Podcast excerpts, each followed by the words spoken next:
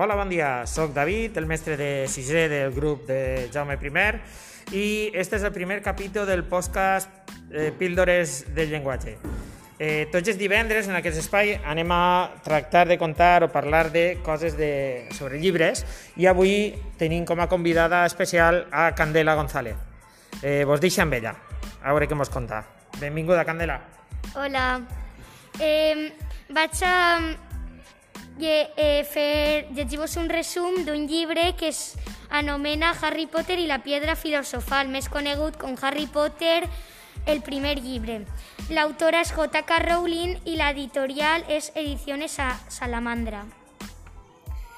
Harry Potter és un xiquet que es va quedar orfe quan només era un bebè i se'n va anar a viure amb els seus tios i el seu cosí Dudley. Però no vos cregueu que el trataven bé, eren insoportables.